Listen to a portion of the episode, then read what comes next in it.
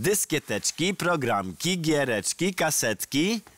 Zapraszamy serdecznie na kolejny odcinek Déjà Vu w Polsat Games. Tym razem zajmiemy się... rynkiem wydawniczym w Polsce, czyli powiemy wam, jak to się zaczynało Już, wszystko. ta, już tak nie dresuj, już spokojnie. Masz spokojnie. jakiś problem? Spokojnie, Radziu, będzie dobrze.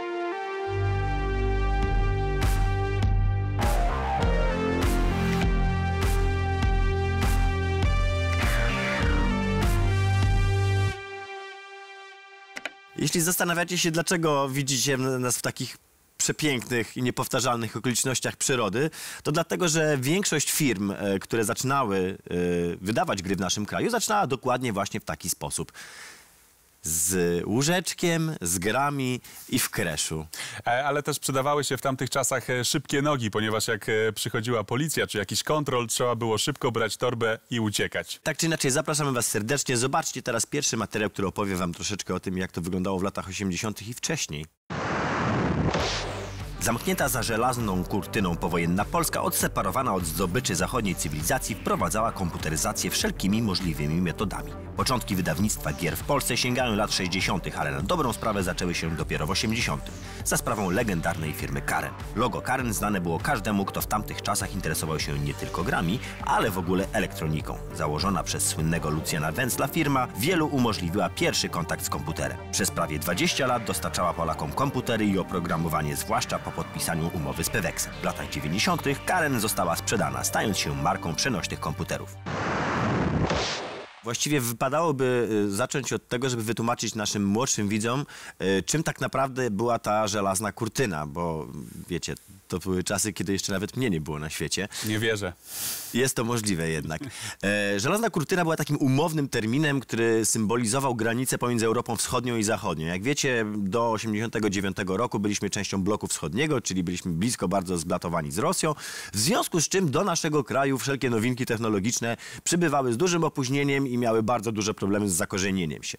Ale nie przeszkodziło to naszym rodzimym biznesmenom, ówczesnym właściwie można powiedzieć... E, jakby to ładnie nazwać, nie biznesmen, E, Znaczy, wiesz, ludzie przedsiębiorcy. Przedsiębiorcą, tak o to ładnie, prawda? przedsiębiorcą Polak potrafi. To jest takie hasło, które faktycznie tutaj e, ma zastosowanie no, w 100% do tej Polski historii. przedsiębiorca potrafi, czyli PPP, e, nie przeszkadzało im to w osiąganiu bardzo różnych ciekawych e, efektów swoimi działaniami. To były zazwyczaj bardzo ciekawe historie i bardzo ciekawe biografie, bo wielu z tych osób e, faktycznie urodziło się w Polsce, ale no, uciekali z kraju, wyjeżdżali. Czasami, e, tak jak w przypadku pana Węcla, kończyli studia na Uniwersytecie e, Warszawskim i po prostu wyjeżdżali Zmykali sobie... do Wielkiej Brytanii, inni wyjeżdżali do Stanów Zjednoczonych, na przykład Stanley M. Hajduk. Tak jest, czyli e, człowiek, który urodził się na Podhalu, a który rozkręcił Jako sta całkiem... Stanisław Marian Hajduk. postać e, niezwykle istotna e, dla startu e, rynku gier w naszym kraju. Tutaj jest o tyle fajna historia, że on był pracownikiem wrocławskiej firmy Elvro, no i pamiętając oczywiście te swoje doświadczenia, mając e, kontakty,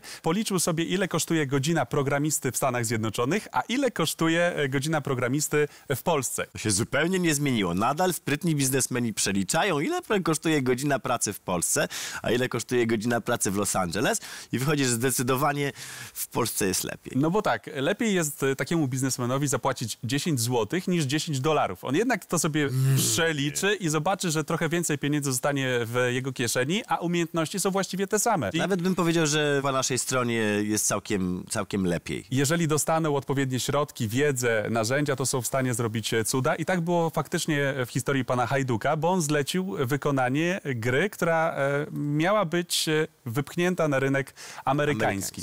I to była gra Webmaster. Tak, i gra Webmaster była z grubsza Pacmanem. Nie e, tylko panowie z Sinclaira mieli pomysł na skopiowanie Pacmana, pan Hey Duke też miał taki pomysł, skopiował i teraz, uwaga, największy szok uznał, że ta gra była za brutalna. Gra, która przedstawiała pająka, który ucieka przed owadami e, na sieci, e, była dla niego niemoralna. Doszedł do wniosku, że w ogóle ta gra nie powinna zostać wydana i mimo, że była gotowa, porzucił ten projekt. Powiedział, że on na pewno tego nie dotknie, bezeceństwa, zła totalnego, więc gra gdzie się sprzedała? Gra Na giełdzie, ta da da da da. tak jest. Y, Po prostu ci panowie, którzy zrobili tę grę, pomyśleli sobie, że jest tak dobra, bo faktycznie była. Miała na przykład trzy poziomy trudności.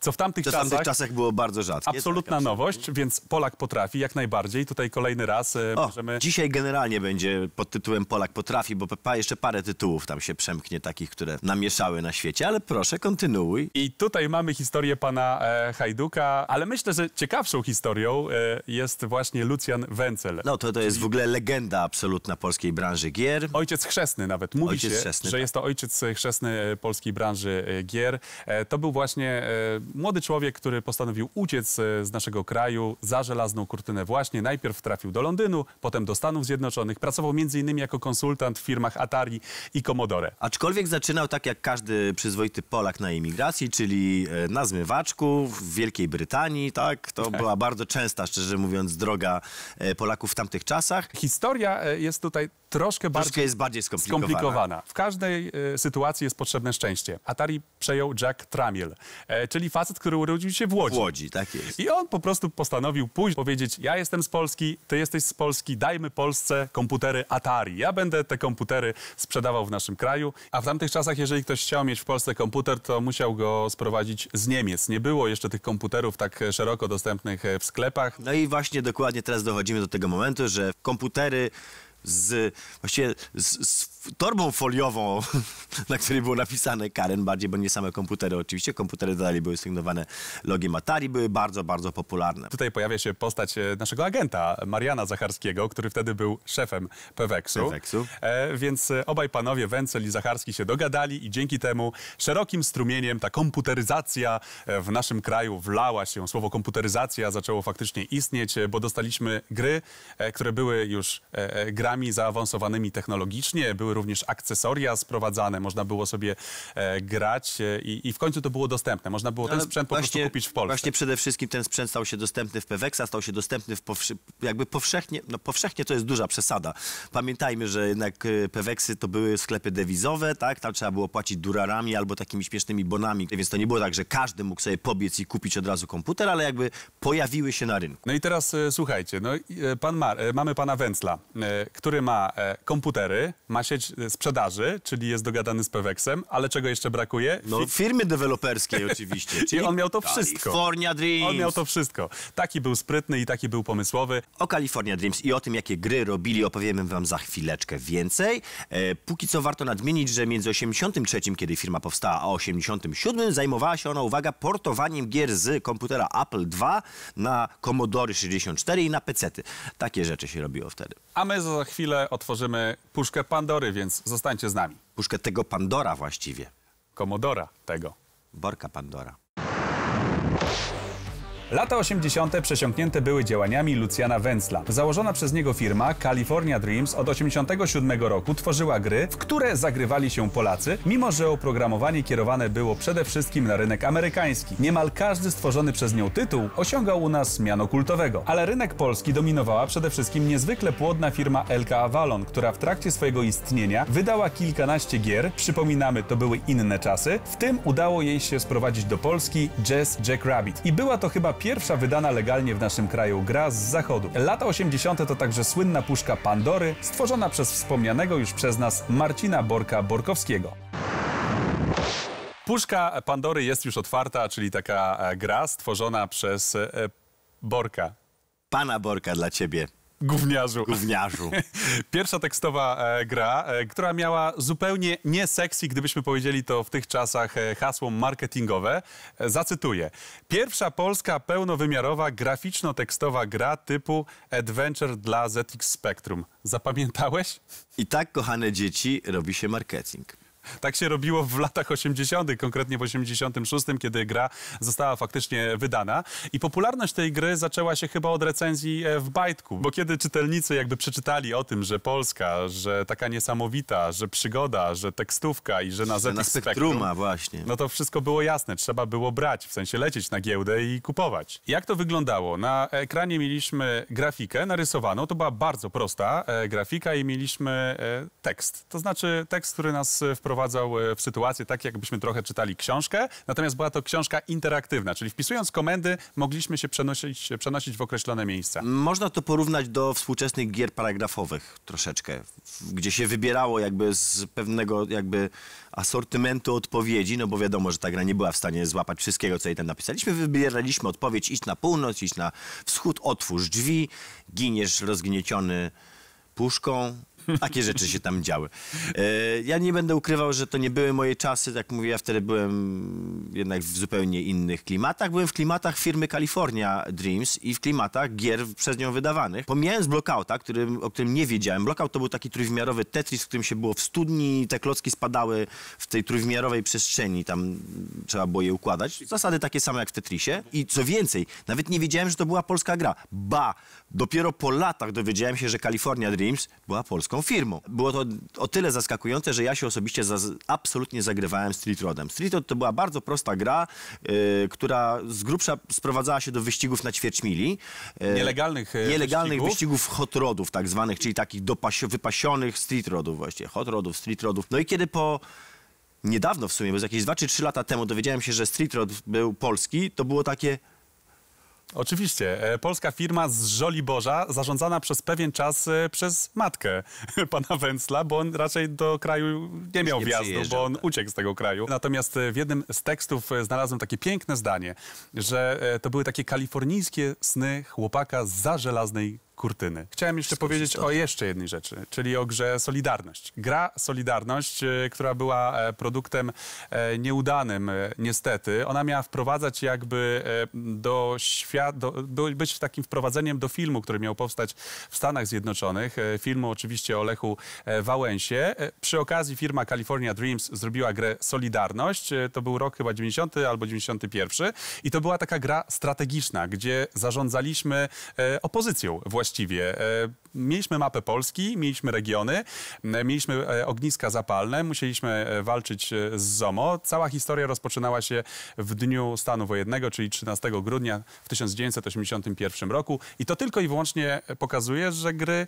to nie tylko rozrywka, ale również tematy poważne. Rok 89 to był taki moment, kiedy coś się kończyło, ale bardzo wiele rzeczy się też zaczynało. Zaczęła się też historia firmy LK Avalon, czyli laboratorium komputerowego Avalon, które dla mnie akurat chyba było taką pierwszą firmą game devową w Polsce. Znaczy była to pierwsza firma, która rzeczywiście dostarczała y, cały czas konsekwentnie nowe gry, y, które były polskie, osadzone w Polsce, zrobione i były do tego wszystkiego jeszcze po polsku. Elka Avalon z Rzeszowa, e, czyli nie wszystko powstawało tutaj, w stolicy. Natomiast e, faktycznie był, taki, e, był to taki silny ośrodek wydawniczy, ale też deweloperski, który produkował zarówno na Atari, jak i na Amigę, również na PC. Przypominają mi się takie tytuły jak na przykład Sołtys czy Scout Quatermaster. To były takie gry, które mi się niezwykle podobały, bo były to przygodówki, No, które bardzo mocno czerpały, tak jak powiedziałeś, z Day of Tentacle. Scout Quatermaster był po prostu chamskim reskinem e, Day of the Tentacle do tego stopnia, że główny bohater to była jedna z postaci z Day of the Tentacle, ten taki wysoki chudy, przybrany w ubranko zucha. Wyglądało to prześmiesznie, no ale oh well. Ale było Historia. to, wiesz, nasze, narysowane, gadające po polsku i faktycznie ja jako dzieciak bardzo się mocno tym tytułem e, jarałem, tym bardziej, że właśnie postać skauta, kwatermistrza, który musi, uwaga, uratować swoją dziewczynę przed łobuzami. A sołtys to po prostu gra, która zawierała sporo takich czerstwych żartów e, z Wąchocka, więc były kiedyś sprzedawane takie książeczki z żartami i deweloperzy po prostu wzięli te wszystkie najśmieszniejsze żarty I zrobili z tego grę. Nie była to gra najwyższych lotów, ale tak czy inaczej w Polsce w tamtych czasach. Nawet zrobił Irak Ryba, zwłaszcza, że wtedy pamiętajcie, nie było za wiele e, gier lokalizowanych, zwłaszcza przygodowych, więc e, ludzie, którzy nie mówili po angielsku, nie mieli po prostu innych opcji i to były, e, to były gry, na których oni zdobywali te pierwsze szlify gamingowe, można powiedzieć. No ale to faktycznie to był sposób, to był pomysł też e, biznesowy, żeby zachęcić ludzi do kupowania gier. E, Trzeba było je wydawać po polsku. Biznesmeni, założyciele tych e, firm, również gracze wywodzący się z tego środowiska zauważyli, że to jest jakiś taki pomysł, sposób na piratów. Należy wspomnieć o grze AD 2044, która to gra scenariuszowo była zżynką z Sex Misji. No. Warto odnotować to, że była to pierwsza gra wydana po polsku i to jeszcze na dwóch płytach płytach CD. No to jeszcze e, może o jednej grze, która była inspirowana Lotusem na przykład, czyli Raid przez Polskę. To też była taka gra, e, którą e, ci starsi gracze, nie grający w gry, tak jak ja, pamiętają. Co ty tutaj To co ja mam Czemu wspólnego ty- z grami? Skąd ty tutaj jesteś Co w ogóle? co w ogóle, no? Jeszcze, jeszcze Grałeś w jakieś gry, synek? I tym miłym akcentem zakończmy ten.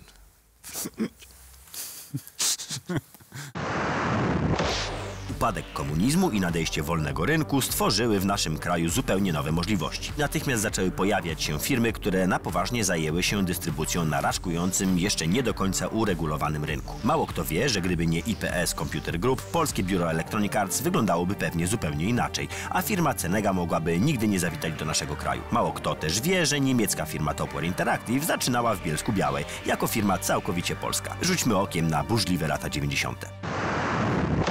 Rok 1991, upadek żelaznej kurtyny, czyli nowe możliwości dla wszystkich przedsiębiorczych ludzi, takich jak my. Pojawiły się już pierwsze firmy, które chciały legalnie sprzedawać gry w Polsce. Jedną z takich firm była założona przez niejakiego Grzegorza Onichimowskiego, firma IPS Computer Group. I dla mnie to była taka pierwsza firma profesjonalna, która zajmowała się dystrybucją gier. Sprowadzili oni przede wszystkim Electronic Arts i Virgina do naszego kraju. Chciałem dodać, że to była firma, która dostarczała klientowi taki gotowy produkt, przetłumaczona instrukcja, polska wersja językowa. Potem e, doszła jeszcze lokalizacja. Mi to się przede wszystkim kojarzy z Seal Teamem, ponieważ to była jedna z pierwszych gier, które kupiłem w życiu, który był wydany oficjalnie przez IPS-a w Polsce.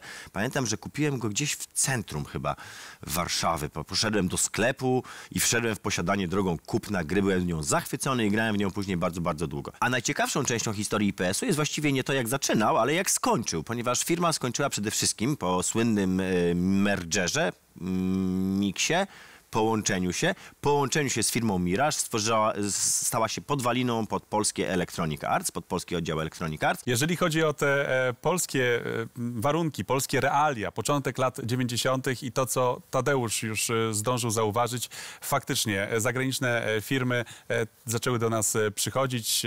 Przykładem może być Microsoft, może być również Sony PlayStation. No Microsoft 96 oczywiście, tutaj. oczywiście początkowo Microsoft w, do Polski wprowadził się przede wszystkim tak czysto software'owo. Dopiero później powstał jakby ten dział zajmujący się grami. Sony też oczywiście początkowo przede wszystkim ze względu na sprzęt, dopiero później te działy growe jakby wyrastały na tych firmach. Fajna historia to także firma Topware, e, firma, która e, rozpoczęła swoje życie właśnie w Polsce, w Bielsku Białej, natomiast e, później została wykupiona przez Niemca. przez firmę Zukses, czyli właściwie można powiedzieć, to jest o Polaku, który chciał Niemca. Była to firma znana z wydawania takich mniejszych, bardziej budżetowych, ale już zlokalizowanych gier, więc bardzo dobrze odnalazła się na naszym rynku. I teraz to, co jest najbardziej szokujące, to jest chyba jedyna taka historia, jaką ja znam osobiście. Firma Zukses w 2012 roku zmieniła swoją nazwę i zmieniła ją na, uwaga, Topware Interactive. Tak czy inaczej, firma Topware we współczesnych czasach, kiedy jak wiemy, gry na, w płytach, to jest old school, patrzcie.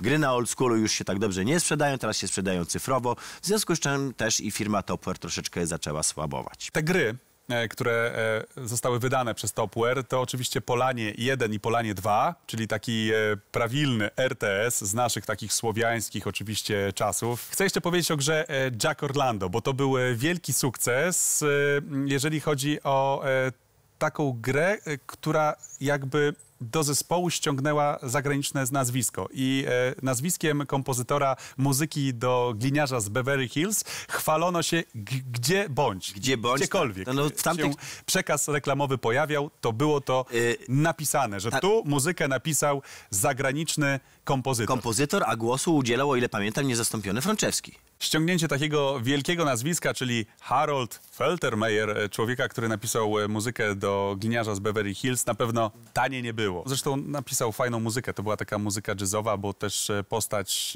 e, Jacka Orlando to była taka właśnie postać tego detektywa, który miał do rozwiązania zagadkę. To było w takim klimacie nor, nor, norwa? Norła? Norwa. Nor, W klimacie Norła, przepraszam. Norła. W klimacie Norła. Zostaniemy z klimatem Norła. Przestań, nie rozbijaj mojego klimatu Norwa. Czas już przejść do kolejnego e, materiału. Tym razem powiemy troszeczkę o firmie Mirage, która była jedną z ważniejszych firm na naszym rynku. Losy polskiej branży gier w latach 80. i 90. to przeplatające się losy kilku osób. Pasjonatów, którzy już wtedy czuli, że komputery to chyba jednak będą ważne. Jedną z takich osób był założyciel firmy Mirage Multimedia, Tomasz Mazur. Były dziennikarz, który zajął się dystrybucją i produkcją gier. Mirage stał się jedną z podwalin firmy Cenega, ale przede wszystkim to w jego game devowym odłamie stworzono pierwszą polską strzelaninę FPP grę Mortyr. Mirage Interactive, Mirage Multimedia, Mirage... e, Mirage... Mirage... Software. Software.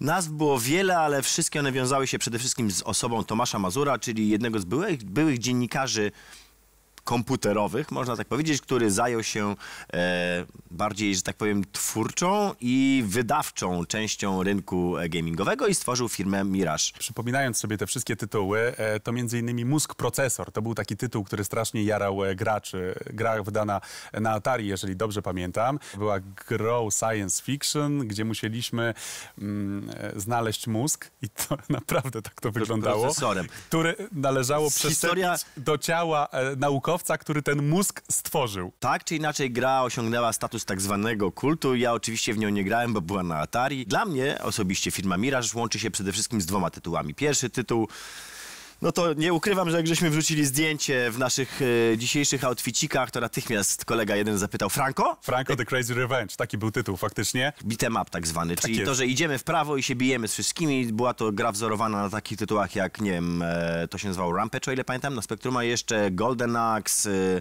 Double Dragon, e, przede wszystkim chyba bym powiedział, że Double Dragon gdzieś tam był najmocniejszy i wyróżniała się tym, że toczyła się na naszych swojskich, bodajże szczecińskich, z tego co pamiętam, Szczecińskich. szczecińskich Zyskała instantową po prostu popularność wśród wszystkich. Kochaliśmy ją za to, że było napisane, no przepraszam, wprost powiedzmy na ścianie.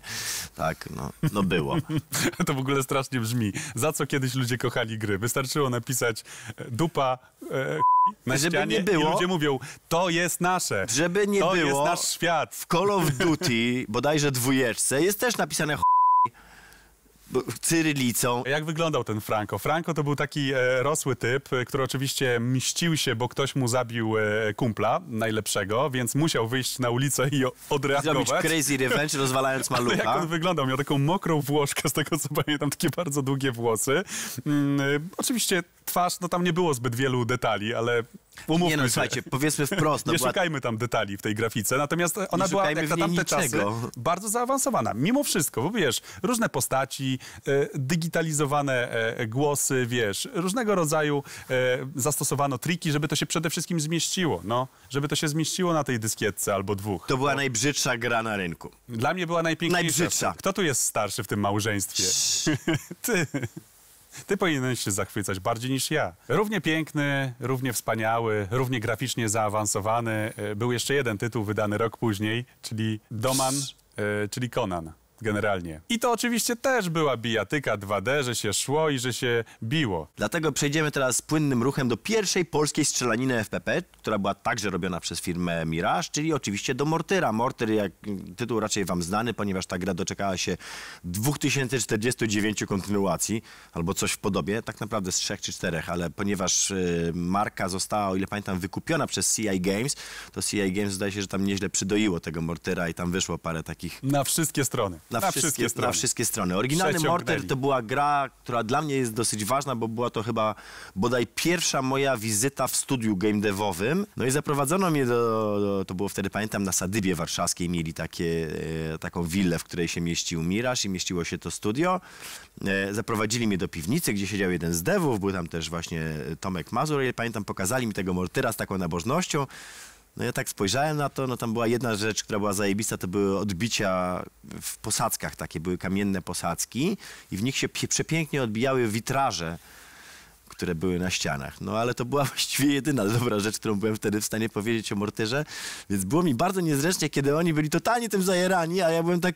Znaczy, Nie ta- najlepsze, Tadek, mówiąc. za- Zachowałeś się, powiem ci, właściwie, bo jeżeli dwóch gości zabrałoby mnie do piwnicy i e, chciało mi coś pokazać, a ja nie miałbym za bardzo... Ja wtedy co, wyglądałem jeszcze młodziej niż teraz. Nie miałem, wiesz, nie za bardzo miałbym jak uciec, też im bym powiedział, słuchajcie, super. Super jest, tak, świetne. super. Ko kochani, ale powiecie. ja już muszę iść, gdzie są, gdzie są drzwi.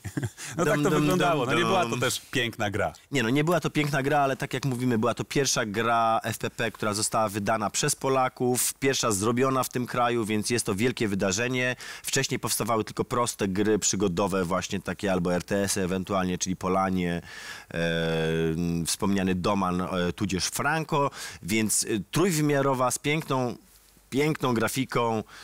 No, to było w, tak, w, w tamtych czasach duże wydarzenie. No i jakby nie było, doczekała się tych kontynuacji, więc aż takim krapelonem nie była. W roku 2000, dobrze pamiętam, w 2000 IPS oraz firma Mirage połączyły się, zrobiły tak, zrobiły tak zwany korporacyjny merger. To w tamtych czasach było naprawdę największe wydarzenie w naszej branży. Wszyscy o tym mówili.